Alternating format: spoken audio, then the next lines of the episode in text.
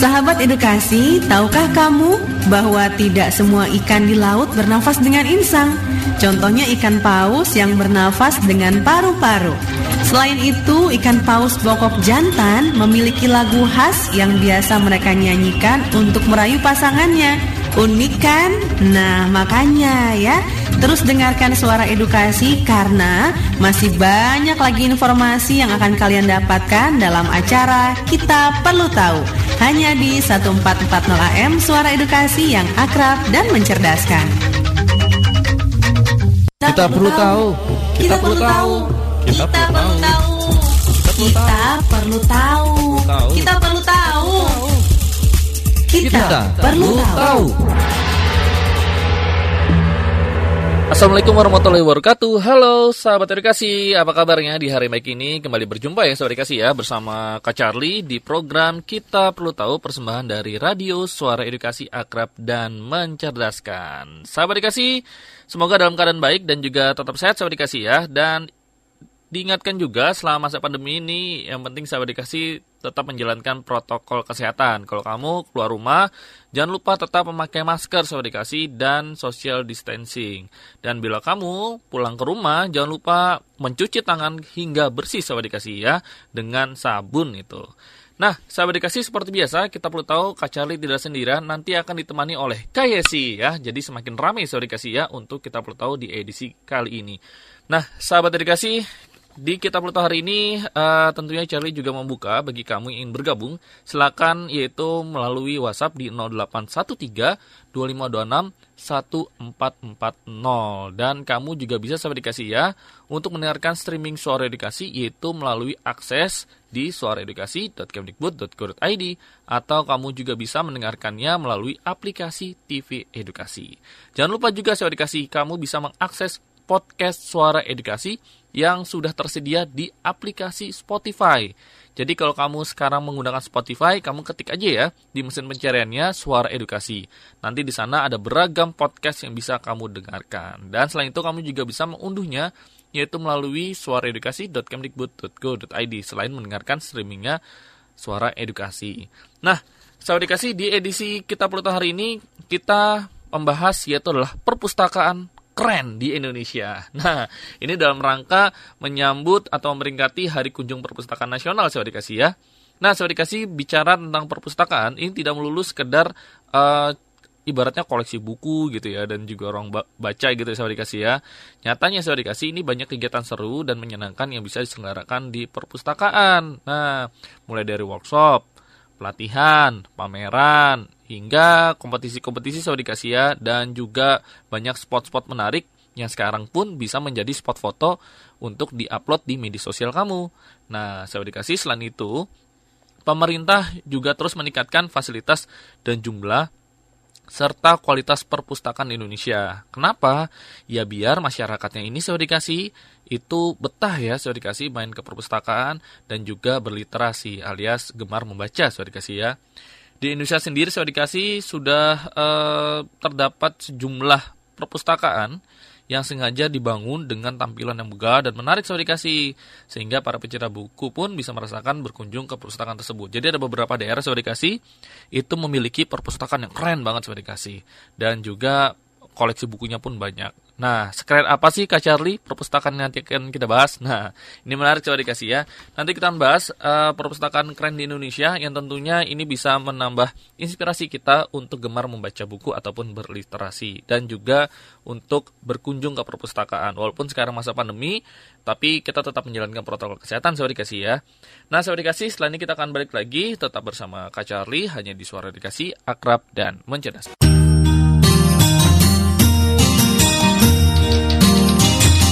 Suara Edukasi. Frekuensi 1440 AM Radio yang akrab dan mencerdaskan.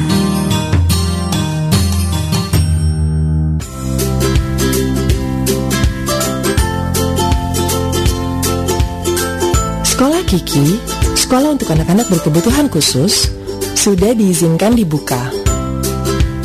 Tapi, ada panduan yang harus diikuti ya ya bunda agar terhindar dari penularan COVID-19. Pastikan kondisi lahir dan batin anak berkebutuhan khusus sehat ya. Jika ia sendiri takut ke sekolah, jangan dipaksa. Baju yang dipakai ke sekolah harus dalam kondisi bersih. Anak sudah harus sarapan dan berbekal makanan sehat. Jangan lupa maskernya ya, bawakan juga tempat masker kotor.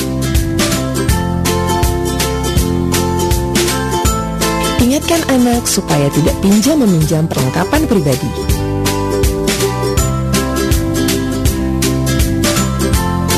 Para pengantar langsung ke sekolah ya, jangan mampir-mampir. Jika perlu, dampingi anak berkebutuhan khusus masuk gerbang sekolah. Jaga jarak anak.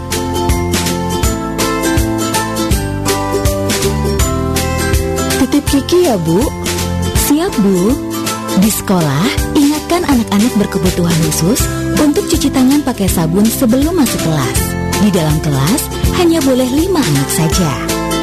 Saat berada di fasilitas sekolah, akan diatur agar interaksi antar warga sekolah kebutuhan khusus minimal.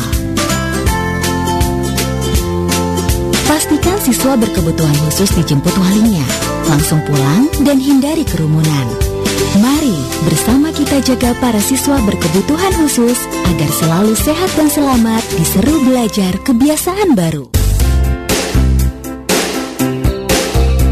144 AM, suara edukasi yang akrab dan mencerdaskan. Kita perlu tahu. Kita perlu tahu. Kita perlu tahu. Kita perlu tahu. Kita perlu tahu. Kita perlu tahu.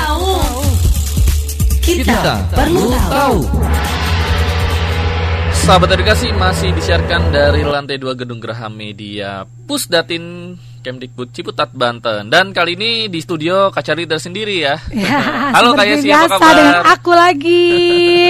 Yesi. Apa kabarnya Kak Yesi? Baik, Kak Baik Cari. ya, wah sehat selalu ya. Iya. Intinya adalah eh, walaupun Jakarta sekarang masih zona merah, Jabodetabek ya, zona Iya. merah, tapi semangat kita tidak boleh eh, apa ya ibaratnya tidak boleh lusuh juga ya. Iya, nggak boleh luntur Kak Charlie. Nggak boleh luntur ya. Kita tetap kita harus terus berkreasi. Semangat kita tetap harus Oh, oh. memerah ya dalam diri ya. Ah, harus itu. Bukan zona aja yang merah ya. Iya, selalu semangat dengan niat yang baik. Ya itu dia benar banget benar banget kata Casey Eh, Iya, dengan niat yang baik eh, nanti semoga apa yang kita lakukan juga hasilnya akan baik juga ya jika bermanfaat bagi orang lain Iya. seperti yang akan kita bagikan informasi di edisi kali ini nih kayak sih yaitu Ya, terkait dengan perpustakaan keren di Indonesia Mm-mm. karena hari ini itu adalah memperingati Hari Kunjung Perpustakaan di Oke, iya Kak Charlie. Mm-mm. Nah, tapi Jadi kita walaupun- membahas tentang perpustakaan yang keren-keren di Iya, Indonesia benar nih banget, ya. benar banget. Eh, walaupun masa pandemi ini, saya dikasih eh, mungkin ah ngapain lah nggak usah ke perpustakaan tapi ternyata perpustakaan beberapa perpustakaan di di Indonesia ini tetap Iya. buka dengan menjalankan protokol kesehatan Wah iya harus Kak Charlie Iya. jangan sampai tutup. Kalau perpustakaan tutup nanti nyari literatur susah ya Nah, itu mahasiswa. dia. Itu dia, Dan apalagi- kita siswa-siswa ini ya. bener banget apalagi namanya gerakan litera- literasi kan tetap harus berjalan ya harus Kak Charlie. Walaupun Nah. kita belajar online kan nggak semuanya ada di online Iya, ya Kak Charlie. Kebanyakan saat ini adalah yang ada hanya menonton YouTube aja ya. Nah, itu kalau hanya menonton YouTube Atau di, dia uh, surfing di Google ya. Nah, tapi tetap ya sahabat dikasih ya namanya buku itu adalah jendela dunia. Iya dan kita tuh kalau surfing di Google juga kan belum belum tentu semuanya benar Kak Charlie. Benar banget, Kalau iya. kita kita lihat di perpustakaan tuh udah pasti benar Ya, ya Charlie ya. ya, karena perpustakaan itu adalah salah satu referensi yang terbaik lah yang Mm-mm, bisa benar menjadi sekali, acuan Charlie. ketika kalian membuat suatu karya ilmiah. Karya ilmiah, ya karya Nah, tulis ilmiah Itu ya. dia ya. Nah, kayak sih Ya, nih. Charlie siap. Aku in- infoin yang pertama dulu ya. Oke, Kak Ini ada perpustakaan keren nih ya. Kenapa dibilang keren? Karena isinya pun bisa dibilang super lengkap. Yaitu adalah perpustakaan Universitas Indonesia Wah, di Depok, pasti Jawa ya. Barat. Iya, Wah, itu pernah di- ke sana nggak? Lah, Desi? ya iya loh pasti lah. Kak Charlie itu kan dekat rumah saya. Oh dekat rumah ya. Wah lumayan ya kalau dekat rumah ya. Iya, Karena tempat saya main malah. banget karena di eh, Universitas Indonesia itu tidak hanya studinya aja saya dikasih yang Iya. cukup mumpuni atau terkenal di Indonesia ya bahkan di dunia. Tidak hanya danaunya juga yang besar ya, tapi di sana juga perpustakaannya cukup besar. besar Kak Charlie. Iya benar loh. sekali Kak Charlie. Jadi memang ya perpustakaan keren yang eh, dimiliki oleh Indonesia ini salah satunya ada di UI ya, Universitas Universitas Indonesia. Indonesia, Kenapa iya. besar? Karena luasnya itu mencapai dua setengah hektar. Wow, besar ya. Hmm, setengah hektar gede banget tuh Kak Gede Charlie. ya dan perpustakaan UI ini menyediakan 3 hingga 5 juta judul buku. Hmm, 3 iya. hingga 5 juta judul buku. Wah, itu kalau dijajarin panjangnya seberapa ya? Kalau dijajarin ya? mah udah sampai semana ya? iya kan. Pokoknya itu lumayan banyak sudah dikasih ya. Oh banyak banget Charlie, Ya. lumayan lagi tuh sih. Jadi perpustakaan ini juga disebut sebagai Crystal of Knowledge nih. Oh, Crystal of Knowledge ya. Kenapa? Karena dikunjungi sebanyak 20 ribu Ribu pengunjung setiap harinya. Wow, Ini, eh, berarti kalau sebelum- semasa sebelum masa pandemik sebelum masa pasti Kak pandemi, Charlie ya. iya, itu dia. Sekarang masih dibatasi nih. Jadi dibilang keren loh sama dikasih ya dari Mhm.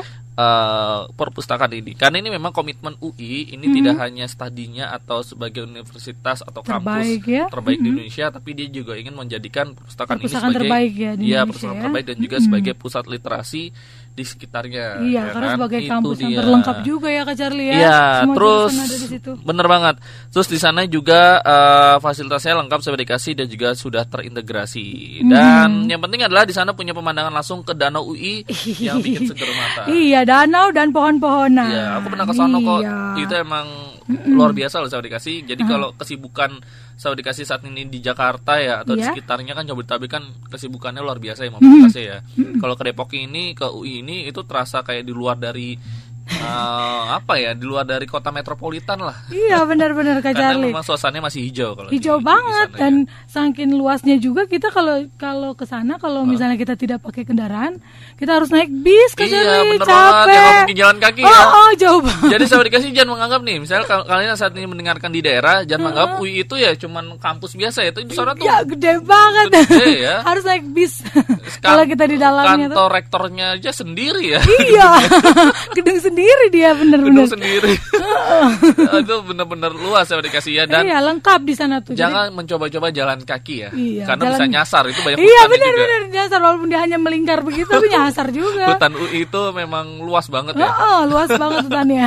Apalagi jangan malam-malam juga ya kalau jalan sana ya. Jangan iya, walaupun ada satpam tapi tetap aja kan. Iya, bener Karena kan akses keluarnya bisa bisa juga Itu, ke rumah warga itu juga. ya, ya. bener banget. Tapi enak kok saya dikasih. Aku waktu itu naik motor aja juga keliling sana itu enak ya. Iya, benar. Nah itu jadi memang Buat olahraga kalau Sabtu Minggu. Nih itu makanya fasilitas itu memang buat olahraga juga. Pernah ada acara untuk olahraga running itu juga pernah ya Uh-huh. kan.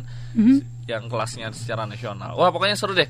Itulah eh, perpustakaan selain perpustakaannya keren, lokasinya di sana juga keren. Mm-hmm. Siap. Ya. Mm-mm, pastinya. Nanti kita akan bahas lagi ya, kayak sih ya. Oke, Kak perpustakaan Charlie. lainnya yang tentunya tidak kalah keren dari eh, perpustakaan Universitas Pastinya Indonesia. semua pendengar ini mau tahu banget nih Kak Mau Charlie tahu ini ya. banget dan tentunya ini akan meningkatkan literasi kita ya karena Ya. gemar membaca akan meningkatkan literasi di Indonesia. Penting Iya. banget ya. Penting banget Kak Charlie. Benar. ya udah saya dikasih nanti kita kembali lagi ya kayak sih ya. Oke, Jadi Kak Charlie, eh, siap. tetap di sore dikasih Akrab dan mencerdaskan. 140 AM Suara edukasi yang akrab dan mencerdaskan Kita perlu tahu. Kita perlu tahu. Kita perlu tahu. Kita perlu tahu. Tahu. Kita perlu tahu. Kita perlu tahu. Ya, masih di sini di Kita Perlu Tahu dengan Kak Charlie dan Kak Yesi. Ya, kita masih membahas tentang perpustakaan yang keren di Indonesia nih, Iya, Kak Charlie benar ya. banget ya. Eh, Kalau tadi kita sudah dengar eh, penjelasan tentang univer- perpustakaannya Universitas Indonesia yang ada di Depok itu, yang luasnya dua setengah hektar itu Kak Charlie, Gede banget ya itu ya. yang super gede. Kali ini kita membahas tentang perpustakaan Suman HS di Pekanbaru. Pekanbaru Riau. Wah, kayak sih pernah ke Pekanbaru nggak?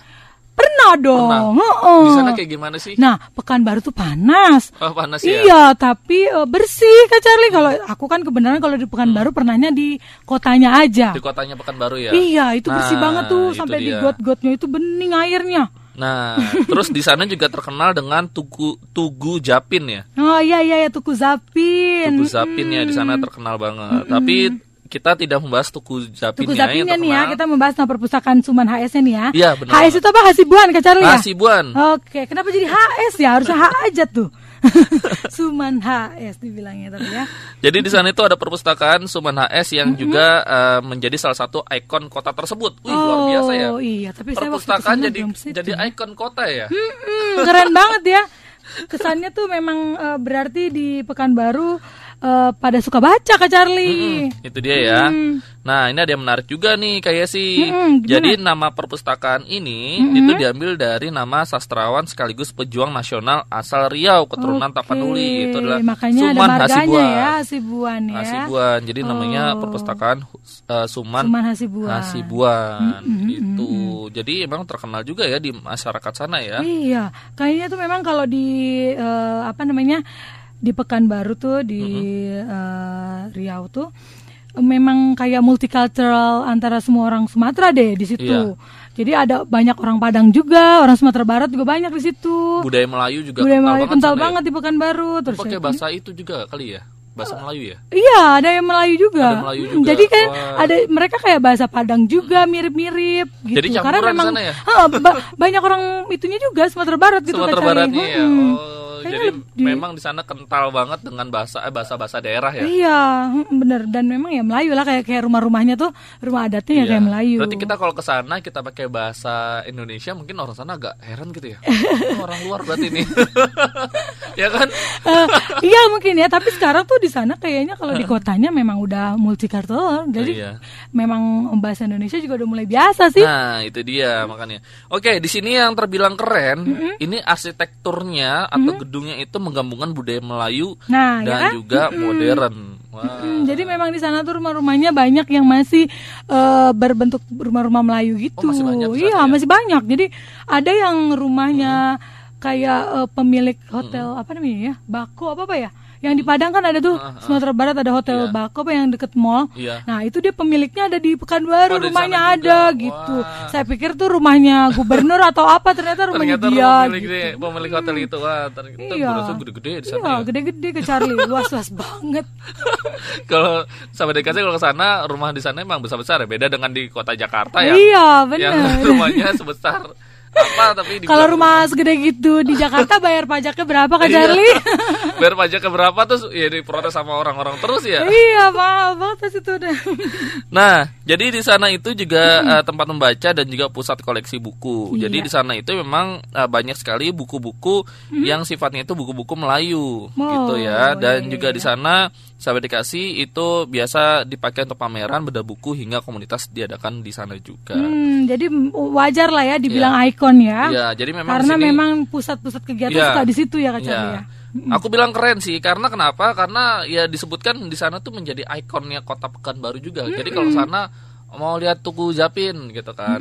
Ayo sekalian ke Kalau Tugu sih kita udah biasa ya di Iya. setiap daerah juga pasti eh, Tugu itu biasanya jadi ikon ya. banget. Tapi ini perpustakaan gitu ya Iya, Charlie ya. perpustakaan Suman Hasibuan. Oh, Kalau jadi aku jadi ikon. inget ya ketika ke kemarin kita ke Pontianak itu eh, di sana juga itu orang taunya kita diajak itu ke Tugu Katulistiwa. Iya kan kalau tugu-tugu itu pasti udah biasa ya Iya. Kak Charlie ya. Wajar ikon. gitu. Tapi kalau perpustakaan baru ini nih aku nemu juga nih. Perpustakaan dijadikan salah satu ikon daerah ya. Iya, semoga ini juga bisa menjadi inspirasi bagi kota-kota lainnya lainnya. ya, daerah lainnya mendirikan suatu, sesuatu yang sifatnya itu mendidik dan Mendidik juga dan bermanfaat sekali bermanfaat ya. ya, seperti itu. Jadi tidak hanya tugu yang biasa untuk foto misalnya ya atau sebagai momentum doang, tapi ya seperti ini lokasi yang bisa untuk dijadikan pusat membaca berliterasi. Hmm, jadi kayak kegiatan-kegiatannya pun diadakan di sini eh, pusat kumpul-kumpulnya mereka ya. itu dia ya. membaca buku dan ini juga eh, sebagai bentuk ini bentuk memperingati hari kunjung perpustakaan. Hmm,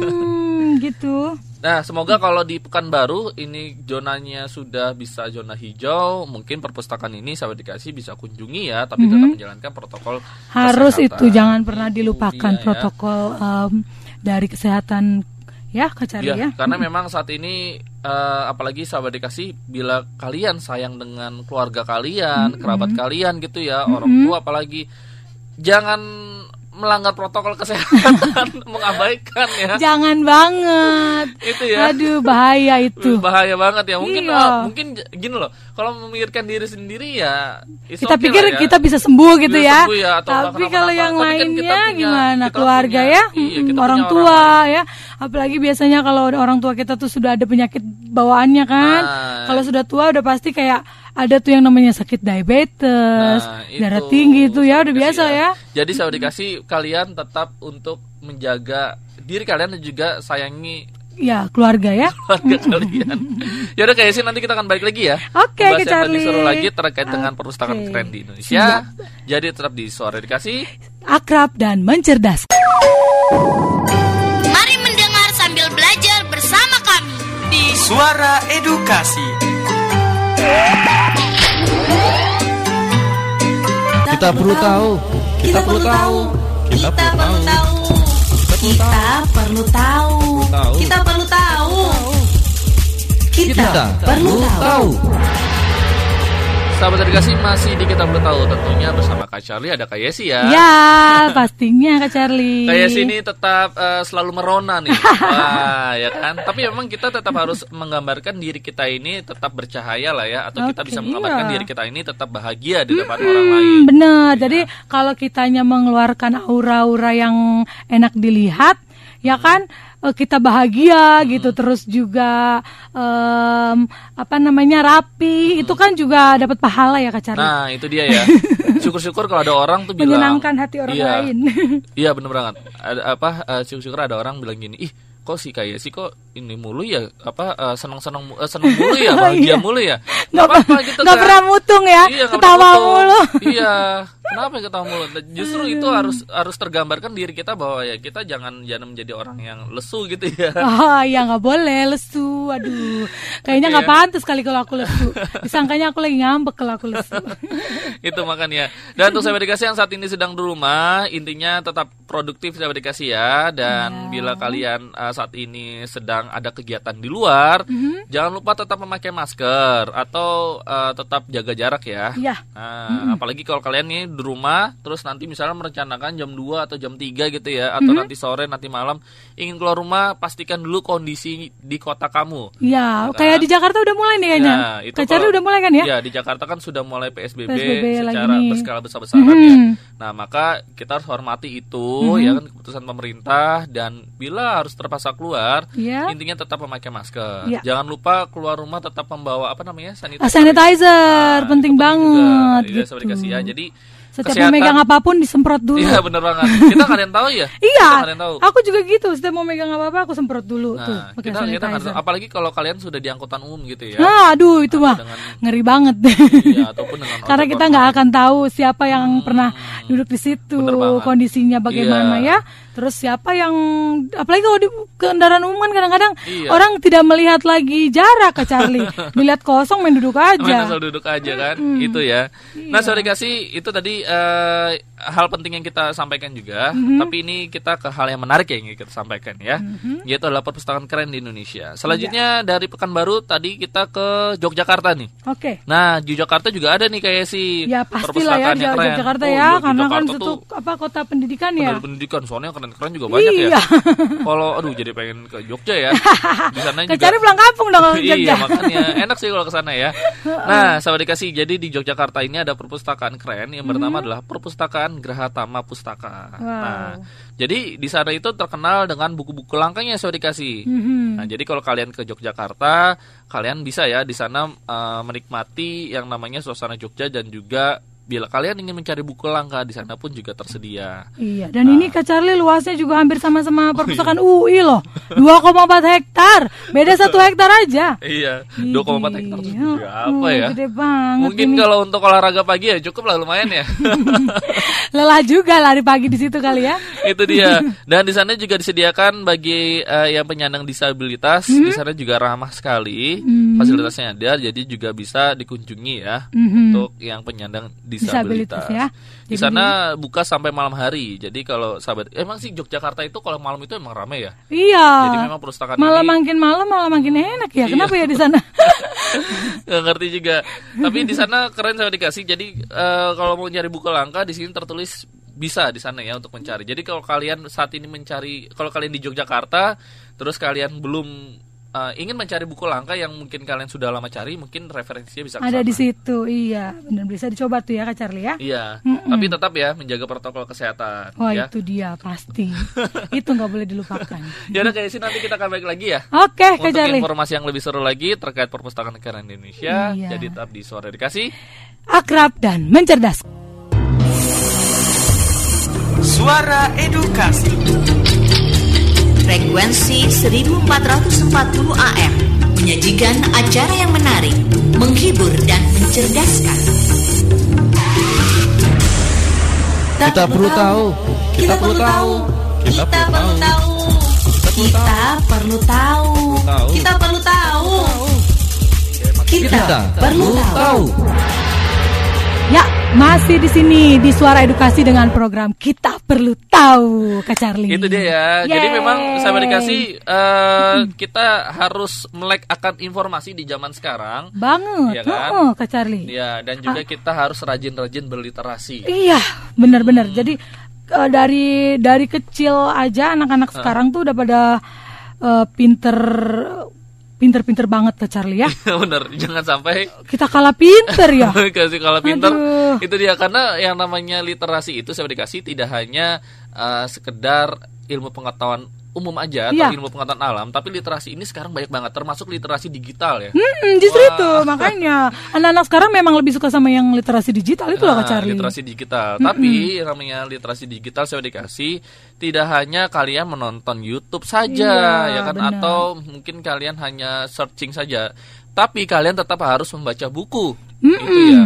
Jadi namanya baca buku itu tetap harus berjalan apalagi buku-buku yang saat ini tersedia di perpustakaan Iya, tapi memang kayak anak saya, keponakan gitu. Mereka tuh suka bacanya itu di eh, e-book gitu. Di iPad, pakai iPad. Dia lebih suka bacanya begitu. Nah, iya. Terbalik ya, kalau kayak saya mendingan buku langsung Buku fisik. langsung. Kalau saya baca melalui e-book Beda ngantuk jam- saya. beda zaman. generasi bener emang. Beda Kalau bacanya pakai e-book itu saya ngantuk, Car. Tapi tetap ya, eh, kalau sahabat edukasi nih, atau sebagai orang tua atau sebagai orang yang lebih besar gitu ya, atau lebih, Mm-mm, yang lebih dewasa ya. lebih dewasa, eh, selain melalui e-book, tidak ada salahnya bila kita juga mengajak ke perpustakaan, gitu Iya. ya, supaya nanti mereka juga mengenal bentuk buku, ya Iya, kan? mm-mm, bukunya tuh ke aslinya seperti Nah, apa? Seperti yang dipegang tuh bentuknya kayak gimana Mm-mm, gitu ya. benar, Atau mereka punya pengalaman membaca secara langsung buku. Aku sebenarnya udah lama sih nggak membaca secara langsung buku sih. Kebanyakan kan membaca, kebanyakan kita membaca status WhatsApp orang ya. Iya. Aduh, ya membaca story yang paling sekarang yang dihobi sama anak-anak tuh yang memba- membaca storynya Instagram. Heeh. Lucu ya Kak ya, bukan hanya kayak fisik buku gitu. Kayak anak-anak sekarang tuh kadang-kadang sampai dia nggak tahu uh, bentuk telepon rumah. Nah, bentuk itu telepon rumah yang diputer. ya. yang diputer. Kita kan dulu ngalamin tuh ya Iya. telepon rumah yang Diputer. diputer gitu.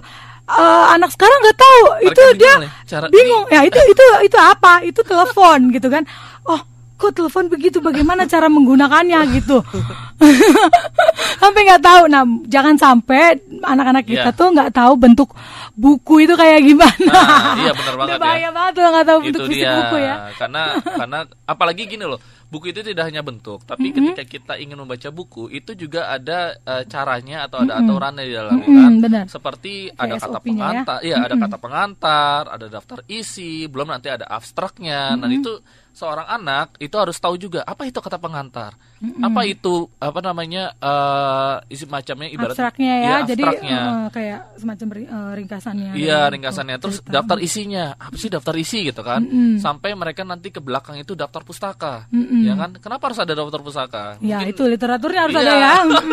nah itu ya jadi nam- dari mana? ya mungkin kalau di ebook juga ada. Cuman kalau di ebook kan mereka langsung mencari Nadir ke dari umum mana, langsung langsung mencari ke intinya pusatnya gitu kan. Iya iya iya. Jadi eh, kalau misalnya bikin tulisan pun kita harus em, membawa nama yang kita sadur Iya, gitu. itu Jangan sampai dia. kita menyadur punya orang tapi Nah. kita tidak Tidak mengerti oh, ya? Oh, enggak kita kita kita tidak sebutkan gitu di Tidak buku. Itu sebutkan. kan nggak boleh. Nah, jadi jadi memang buku itu ada banyak sekali termasuk catatan kaki catatan kaki itu Hmm, apa itu juga Iya benar. itu juga harus eh, diketahui apalagi nanti ketika anak membuat karya ilmiah walaupun karya ilmiah secara online ditulis secara digital tapi tetap ada yang namanya catatan kaki Hmm. Iya, itu kalau juga bisa. Hmm. sih mereka biasanya kalau kayak gitu bikin footnotes ya. itu ya oke kayak sih kita Oke, balik ke Charlie. perpustakaan keren di Indonesia Iya. selanjutnya Ada, ada, di, eh, di mana Lampung nih ya Kak Charlie oh di ya? Lampung Wah. Oke, ini perpustakaan Universitas Malahayati. Perpustakaan ini milik dari Universitas Malahayati pastinya ya Kak Charlie ya. di Bandar Lampung. Nah, katanya nih di sini eh, perpustakaan ini keren banget. Bukan hanya memiliki bangunan yang luas dan ribuan buku, eh perpustakaan ini juga eh, akan bisa membuat kita tuh merasakan sensasi berkunjung ke perpustakaan yang tidak biasa. Wow, kenapa tuh ya Kak Charlie? Ini menarik nih, karena di perpustakaan ini dikelilingi kolam ikan di dalamnya. Wow, keren banget. Jadi Keliling kolam jadi di ikan. sepanjang rak-rak buku ini ada kolam ikan yang ikut menambah suasana jadi makin asik dan betah untuk berlama-lama. Uh, adem Wah. banget pasti tuh ya. Ini anak-anak jadi suka ya. Iya. Baca buku Sambil lihat-lihatin ikannya ikan gitu ya. Mm-mm. Apalagi kalau bisa ngasih makan ikan. Wah, Iya. seru banget ya. Ini tuh kolam ikan ya berarti ya, bukan akuarium ya. Terus juga iya kolam ikan loh. Terus selain itu juga perpustakaan Universitas Malahayati ini juga dilengkapi dengan miniatur rumah adat dari seluruh Indonesia. Wow. Jadi kita kayak di Taman Taman Mini, Mini, Taman Mini ya. kan bukan miniaturnya. Iya, tapi dia eh, miniatur tapi gede tapi juga. gede juga. miniatur Indonesia Tapi maksudnya. oh iya, miniatur. miniatur Indonesia. rumah adatnya bukan miniatur tuh Iya, beneran. itu beneran gede-gede ya. Aduh, Kalau per- pertunjukannya juga beneran. Iya, pertunjukannya juga beneran, ya kan. Oh, kok- Iya. tapi tapi bener loh.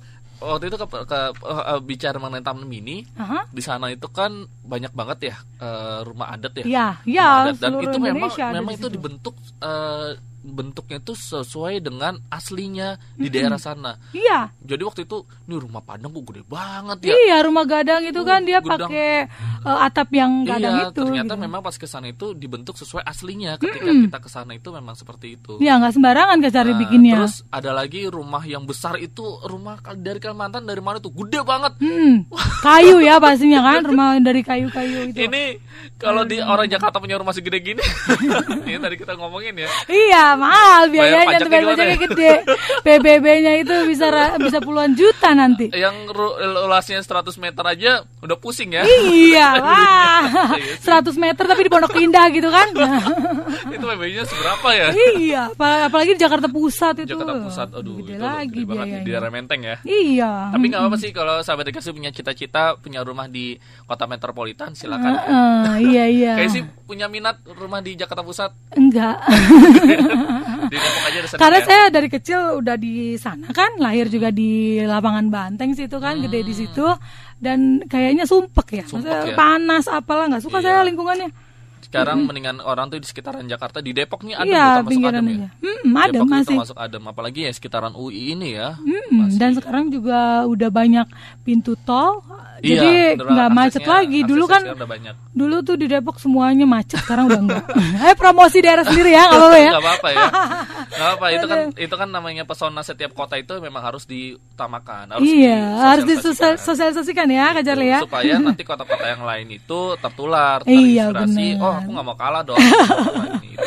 Iya, Tapi semua benar-benar. itu memang dimulai dari masyarakatnya masing-masing. Mm-mm. Jangan sampai kalian tergantung dengan, pemerintah daerahnya. Mm-mm. Wah, ini pemkotnya nih nggak benar. Begini tapi dari iya, kitanya sendiri tidak Iya menjaganya kan, ya. menjaga Heeh, ibaratnya terus dimulai dari membuang sampah pada tempatnya lah Iya, ya. terus kita juga tidak tertib itu nggak boleh. Jadi kita harus tertib juga. Nah, kan kemacetan itu terjadi juga bisa karena ketidaktertiban dari masyarakatnya. dari masyarakatnya Gitu. seperti ya. Mm-mm. Oke, nanti kita akan balik lagi membahas Charlie. perpustakaan keren di Indonesia untuk sahabat Mhm. dikasih ya. Jadi Oke. jangan ke mana-mana ya, masih Oke. bersama ke Jangan Charlie dong, jangan ke mana-mana dong, karena kita masih ada di sini Kak Charlie ya. Tetap di Oke. suara edukasi. Sa- akrab dan mencerdaskan. 144 AM Suara edukasi yang akrab dan mencerdaskan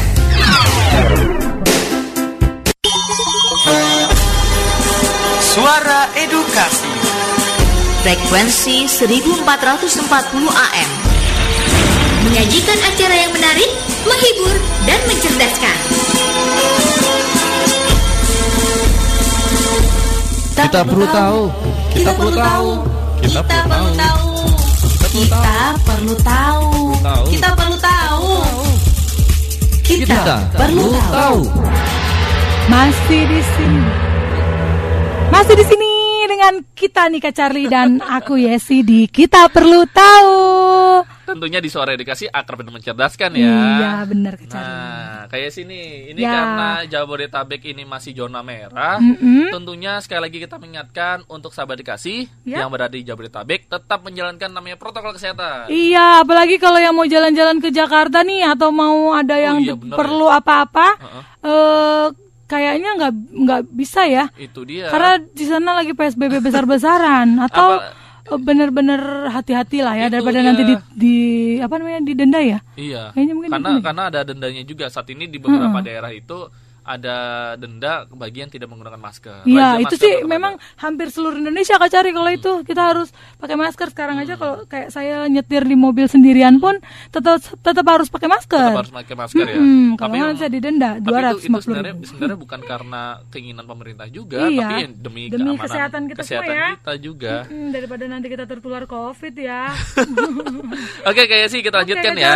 Nah, kali ini aku ingin membagikan informasi nih Hmm, terkait apa dengan tuh? perpustakaan keren di Indonesia Oh, lainnya. oke. Kalau tadi sebelumnya kita sudah ke Bandar Lampung, Mhm. kali ini kita ke Bandung. nih. Bandung, wah deket nih ya, nggak terlalu Bandung jauh ya. itu ada Micro Library Bima. Bima. Ah, Wah. kok pakai nama Bima ya? Mm, akan itu. Jadi kalau yang lebih modern saya dikasih ini di Bandung ada perpustakaan bentuknya itu modern. Jadi namanya itu uh, Mic- Micro Library Bima. Jadi yang ada di Kota Bandung. Beda dari perpustakaan lainnya yang biasanya berukuran besar, justru kebalikannya. Micro Library ini memiliki ukuran yang lebih mini. Ya, namanya juga micro ya, Iya. Kak Charlie ya. Mm-mm. Itu dia. Keren dan uniknya perpustakaan ini ini uh, dirancang oleh Shaw Architects dan dibangun dengan memanfaatkan bahan-bahan daur ulang. Wow, memang ya kalau Bandung tuh Jad- kalau masalah teknologi kayak gitu Hmm, lebih dulu. lebih dulu ya, lebih lebih ini ya lebih lebih kencang-kencangnya ya iya, lebih apa namanya? Dia memang lebih kreatif banget deh kalau Iya, orang Bandung ya. dan di, dia memanfaatkan daur ulang Mm-mm. tahu nggak kayak si daur ulangnya ini apa, Apa coba? jadi dia membangun menggunakan 2000 ember plastik Wow, Nah. dari 2000 ember plastik itu perpustakaannya. 2000 ember plastik Hmm. ember biasanya buat apa sih isi air doang ya iya, buat nyuci apalah. tapi kalau dia nih sisa-sisa ember yang tidak terpakai itu Mm-hmm. digunakan untuk membangun perpustakaan uh keren ya Hmm. Dan saya dikasih kalau berkunjung ke sana, ketika melihat eh, dindingnya itu terbuat dari ember ya, ember Mm-hmm. yang disusun sana, itu ada kode biner. Nah, kode biner itu kalau diartikan itu adalah eh, kalimat buku, Buku adalah, adalah jendela, jendela. dunia. Wow. Itu ya. Jadi ada kode binernya. Kalau saya dikasih jeli, itu ada artinya. Wow, lumayan ya. Tapi hmm, ada bagusnya juga nih ya, perpustakaan dibangun menggunakan 2000 ember plastik. Iya, memang keren banget ya. Jadi ben- jadi selain jadi uh, bentuk arsiteknya keren, Heeh. itu juga uh, cinta akan lingkungan jadinya Kak ya. lingkungan. Heeh, jadi, Jadi- Greenpeace itu Iya, harusnya itu uh, kasih penghargaan ke Itu perpustakaan itu ya. Jadi ini lumayan eh, bagus sekali dan saya dikasih kalau penasaran. Nah, kalau di sana su- sudah mulai buka ya Mm-mm. dan juga tetap menyalakan protokol kesehatan, kunjung aja ke sana ke Micro Library Bima Bandung. Nanti kita balik lagi ya, Kak Isi ya. Oke, Kak Charlie, Masih siap. ada perpustakaan yang lebih keren lagi untuk Oke. kita bahas. Jadi tetap di Suara Edukasi. Akrab dan mencerdaskan. Kita perlu tahu. Kita perlu tahu. Kita perlu tahu. Kita perlu tahu. Tahu. Kita perlu tahu. Kita Kita perlu tahu. Oke, masih di sini bersama kita Kak Charlie dan Kak Yesi di Kita Perlu Tahu. Itu. Iya, bener banget ya. Yeay. Masih membahas tentang perpustakaan-perpustakaan keren yang ada di Indonesia ya Kak Charlie ya. Langsung aja deh, Kak Yesi. Oke, Ada sekarang aku bacain ya. Ya. Sekarang ini ada Perpustakaan Nasional Republik Indonesia Kak Charlie. Wih. Yang lokasinya yang pasti kita semua sudah tahu, yang berada di Jakarta Pusat di Jalan Merdeka Selatan. Nah, itu ya. Mm. Keren sih sebenarnya karena Keren. berhadapan langsung Monas ya. Iya, berhadapan langsung dengan Monas, jadi strategis banget posisinya. Ini Oke. Perpustakaan eh, Nasional Republik Indonesia ini, gedungnya itu eh, baru gedung barunya tuh milik Perpustakaan Nasional yang satu ini baru diresmikan pada Oktober 2017 yang lalu Kak Cari Iya, baru nih, bener baru ya. sekitar tiga tahun yang lalu. Iya. Mm-mm. Kalau berdirinya sendiri sih perpustakaan nasional Ya, sudah tahun- lama sih, lama, ha, dari cuma tahun- gedung barunya aja Iya, dari dari tahun 2017. 1980 ini udah ada perpustakaan nasional, tapi gedung barunya ini saya dikasih yang di Merdeka Selatan dia baru diresmikan oleh Bapak Presiden Joko Widodo itu di Oktober tahun 2017. 2017. Iya, jadi digadang-gadangkan sebagai perpustakaan tertinggi di dunia. Wow. Keren banget tertinggi, Charlie. Iya, isinya buku semua ya. dulu. Iya.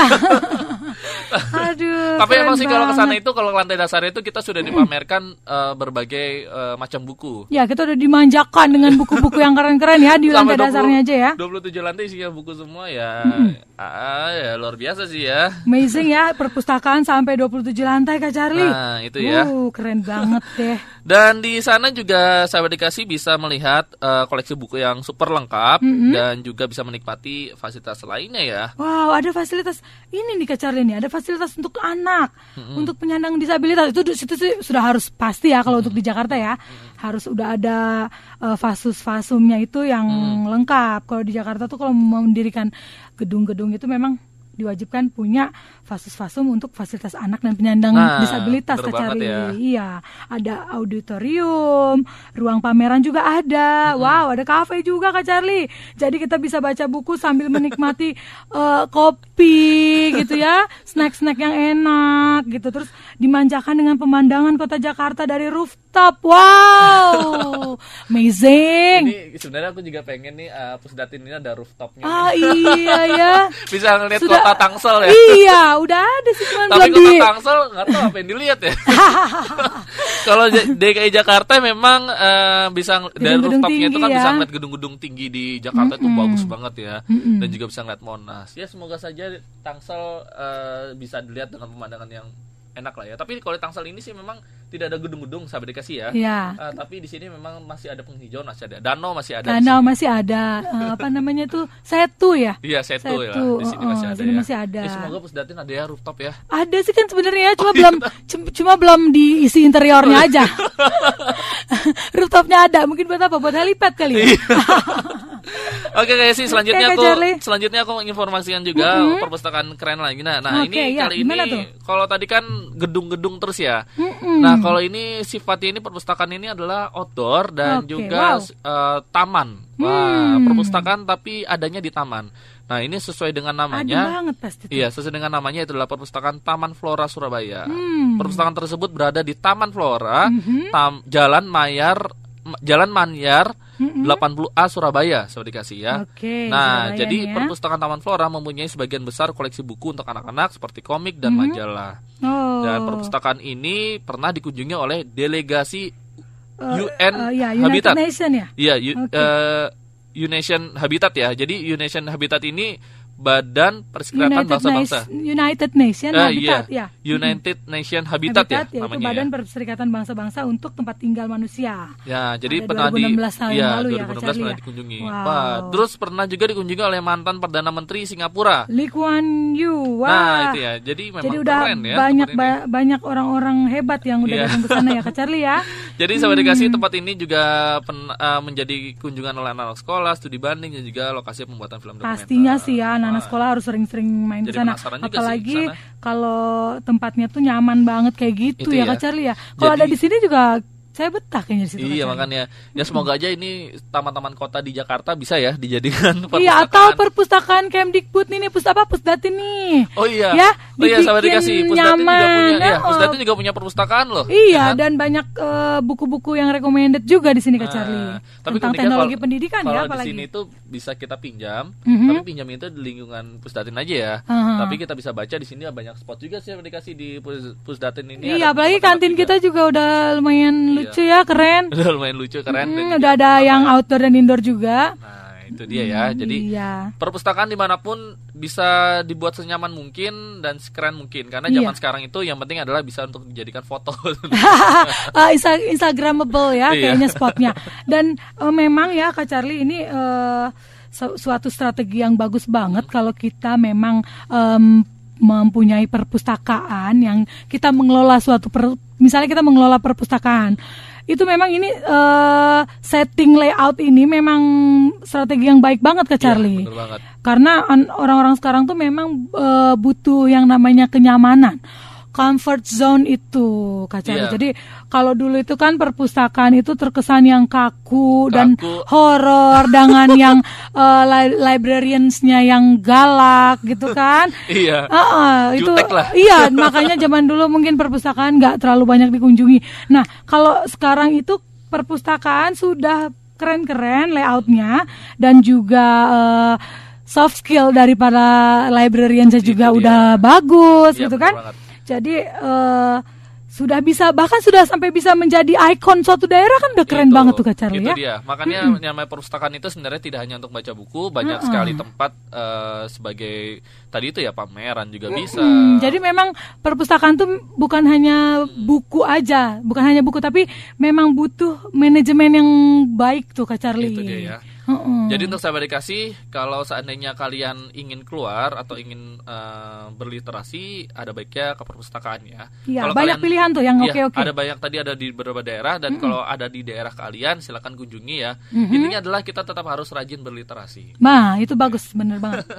Ya udah kayak sih, ini Oke. sudah di pengunjung acara juga. Wow, nggak terasa kita- ya ampun. terasa ya. Memang ya kalau siaran tuh nggak pernah terasa waktunya. Udah kayak sih terima kasih ya Sama-sama, Kak Charlie. Di Suara Edukasi di Ya, kita perlu tahu dan- dan terima kasih juga untuk sahabat edukasi yang telah mendengarkan. ya, Kita Tahu thank you sahabat edukasi. Terima kasih ya dan sampai, Sampai ketemu lagi di lain kita perlu tahu di lain lagi ya. kesempatan. Iya benar banget tetap di kita perlu tahu dan selain ini sahabat edukasi masih ada konten edukasi lainnya yang tentu tidak kalah untuk menarik untuk kalian dengar. Ya, tidak kalah menarik pastinya. Oke, Sampai Kak ketemu Charlie. kesempatan. Sampai jumpa. Wassalamualaikum warahmatullahi wabarakatuh. Waalaikumsalam warahmatullahi wabarakatuh. Kita perlu tahu.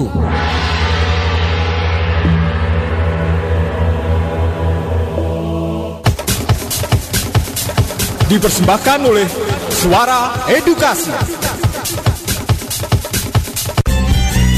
Demikian tadi sajian acara Kita Perlu Tahu. Semoga bermanfaat.